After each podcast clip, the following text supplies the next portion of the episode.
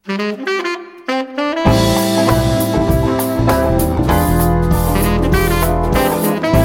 თვალი დაკავებული გაქვთ და საკითხავად არ გცალიათ, ან თუ ჩემსავით სათვალეს ვერ პოულობთ, ან და თუ უბრალოდ მოგენატრათ თვალების დახუჭვა და სხვების მიერ მოთხრობილი საინტერესო ამბებისთვის ყურის მიგდება, მაშინ ეს პოდკასტი თქვენთვისაა. გამარჯობა. თქვენ უსმენთ რადიო თავისუფლების პოდკასტს მოლაპარაკე ტექსტებს. მოლაპარაკე ტექსტებს. მე ბიძინა რამიშვილი გახლავართ. აქ მოქმედი პირები არიან ტექსტები, რომლებსაც რადიო თავისუფლების ვებსაიტზე ვარჩევ თქვენთვის კვირაში ერთხელ და მათ მოსათხრობ ამბებად ვაქცევ ხოლმე.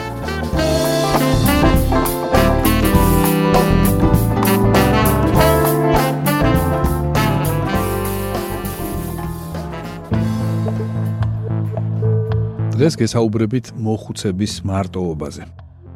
გავიხსენებთ როგორ გამოხავდათ უკრაინელებს დევნილები აფხაზეთის ომის ბოლო დღეებში. და გაგაცნობთ საქართველოსი შეერთებული შტატების ყოფილი ელჩის ჯონ ტეფტის ინტერვიუს პუტინზე უკრაინაზე აგვისტოს ომზე.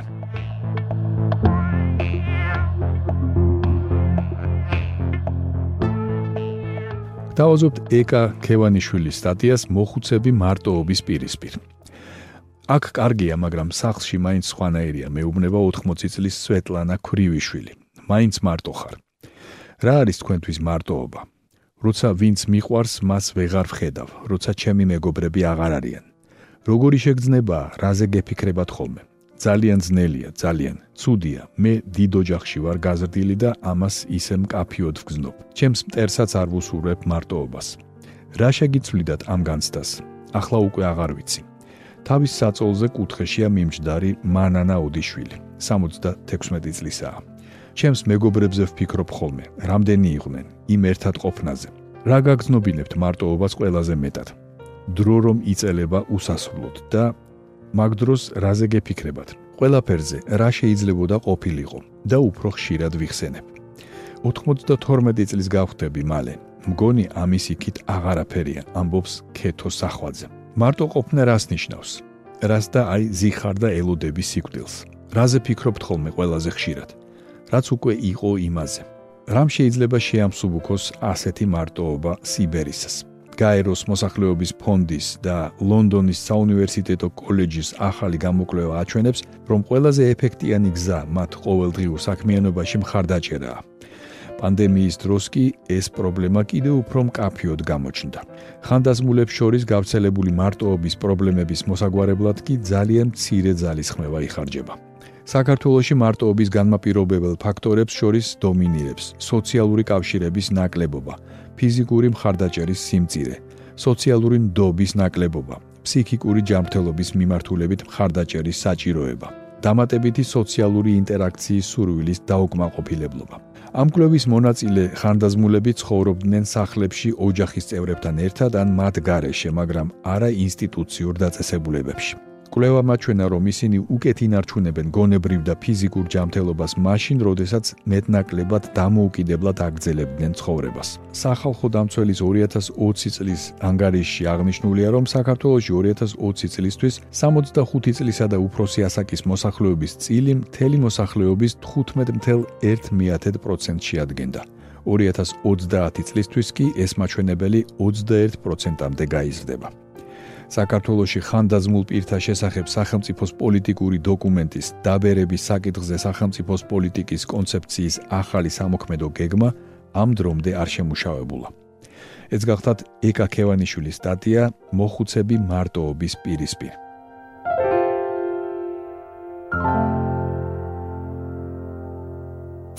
თქვენ უსმენთ პოდკასტს მოლაპარაკე ტექსტებს.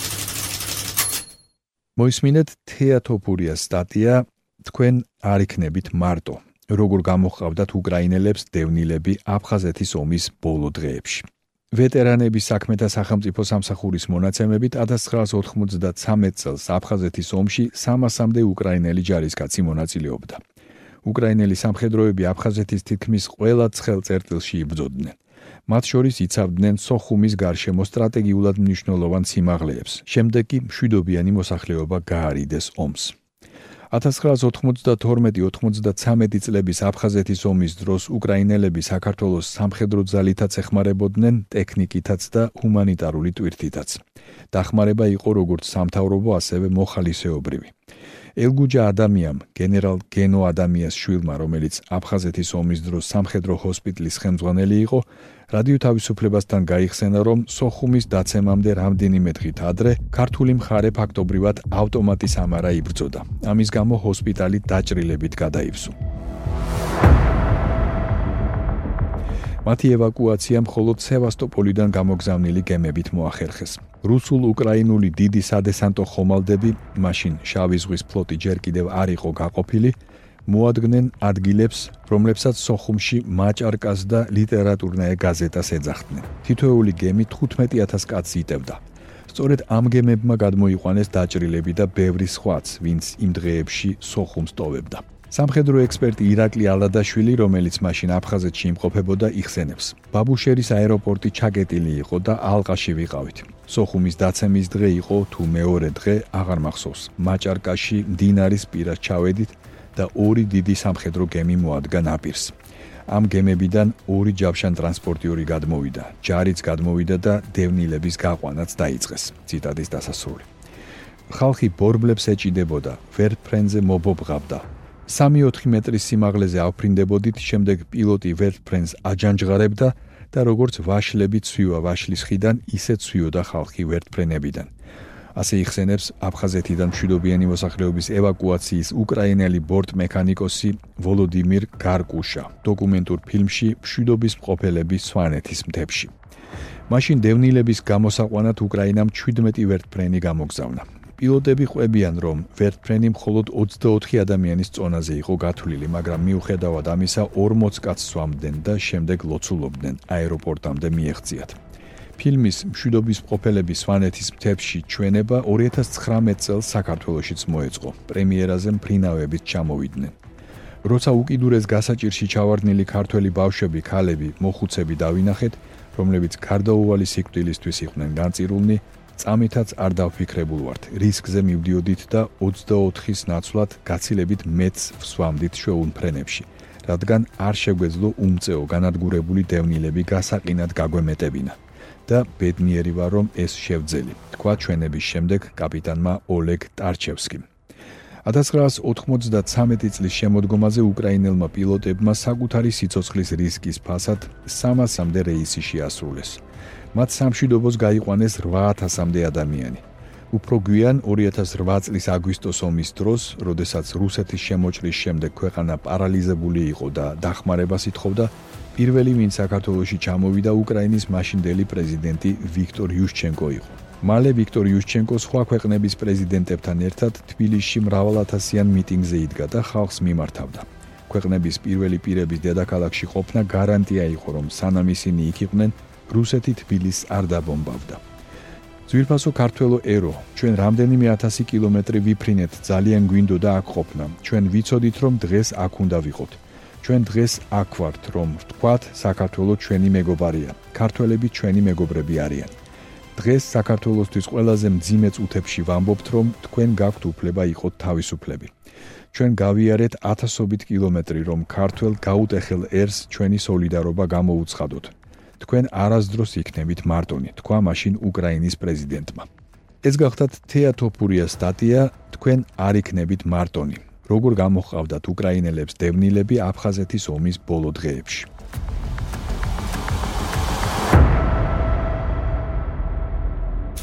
თქვენ უსმენთ პოდკასტს მოლაპარაკე ტექსტებს.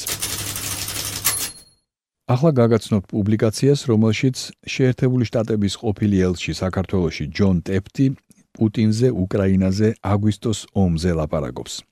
მას ვაჟა თავბერიძე ესაუბრა. მოსკოვი ვაშინგტონისგან მორიგ წერილს ელოდება. კრემლში ამჯერად სურთ შეერთებულმა შტატებმა განმარტოს თუ რატომ არ ღვევს 1999 წელს ეუთოს სტამბოლის აქტის დებულებას უსაფრთხოების განუყოფლობის შესახებ, რომლის მიხედვითაც არც ერთმა ქვეყანამ არ უნდა უზრუნველყოს საკუთარი უსაფრთხოება სხვების უსაფრთხოების ხარჯზე. რუსეთი მიუთითებს, რომ ნატოს გაფართოება და განსაკუთრებით უკრაინის ნატოში შესვლაზე საუბარიც კი სხვა არაფერია თუ არა ამ დებულებების უხეში უგულებელყოფა. ნატოს გაფართოების მეორე ტალღის დროს, როდესაც მან წევრებად ბულგარეთი, რუმინეთი, სლოვაკეთი, სლოვენია და ბალტიის სამი ქვეყანა მიიწვია, ჯონ ტეფტი შეერთებული შტატების ელჩი იყო ლიეტუვაში, მოგვიანებით საქართველოში, უკრაინასა და რუსეთშიც. დღეს ის რადიო თავისუფლებას ეუბნება, რომ პუტინი ცდილობს დროის როგორმე შემოტრიალებას და царსულის დაბრუნებას. პუტინი ფიქრობს, რომ უკრაინა რუსეთის ნაწილია. უკრაინელები რბილად რომ თქვათ, ამ მოსაზრებას არ იზიარებენ. პუტინს სურს საათი გადაწიოს უკან, როცა უკრაინა ჰეგემონი რუსეთის გავლენის სფეროს ქვეშ იყო. რადიო თავისუფლება რუსეთ-უკრაინის საზღვარზე დღევანდელი სიტუაცია და განუწყვეტელი სპეკულაციები ძალიან გავს 2008 წლის ომის პრელუდიას. საკმარისია ეს დასკვნების გასაკეთებლად. დიახ, მე მაშინ იქ ვიყავი, მამაცი საქართველოსა და მისი ხალხის გვერდით. 10-დან 20 თებერვლამდე რუსეთი ეგრეთ წოდებულ წვრთნებს ატარებს ბელარუსში. ბელარუს სამხედროებთან ერთად. 20 თებერვლისთვის ოლიმპიადა პეკინში დასასრულს მიუახლოვდება.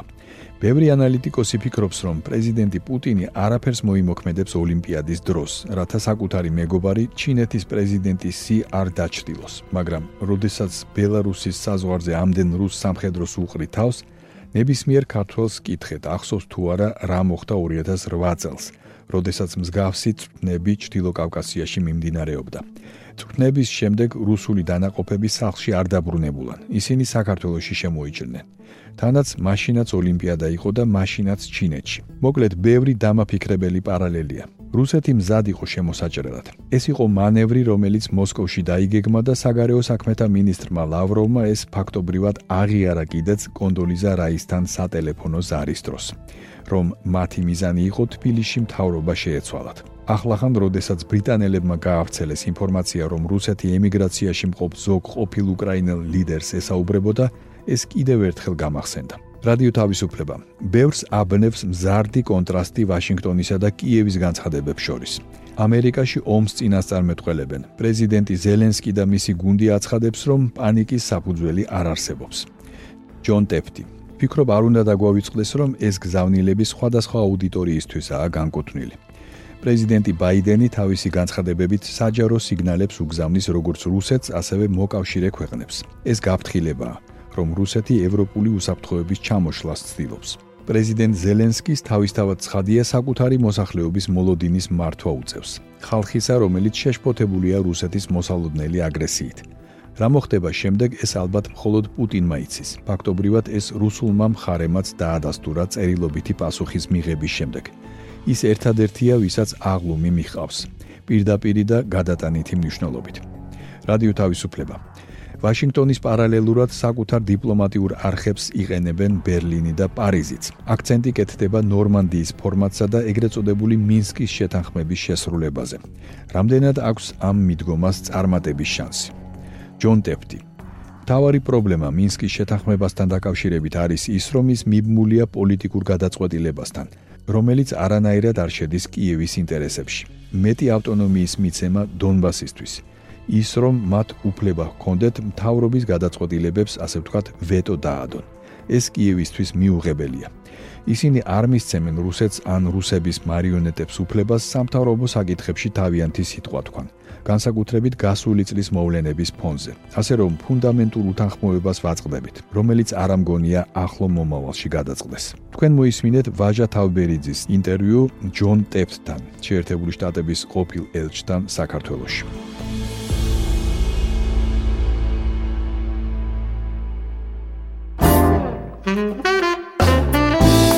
თქვენ მოისმინეთ რადიო თავისუფლების პოდკასტი მოლაპარაკე ტექსტები.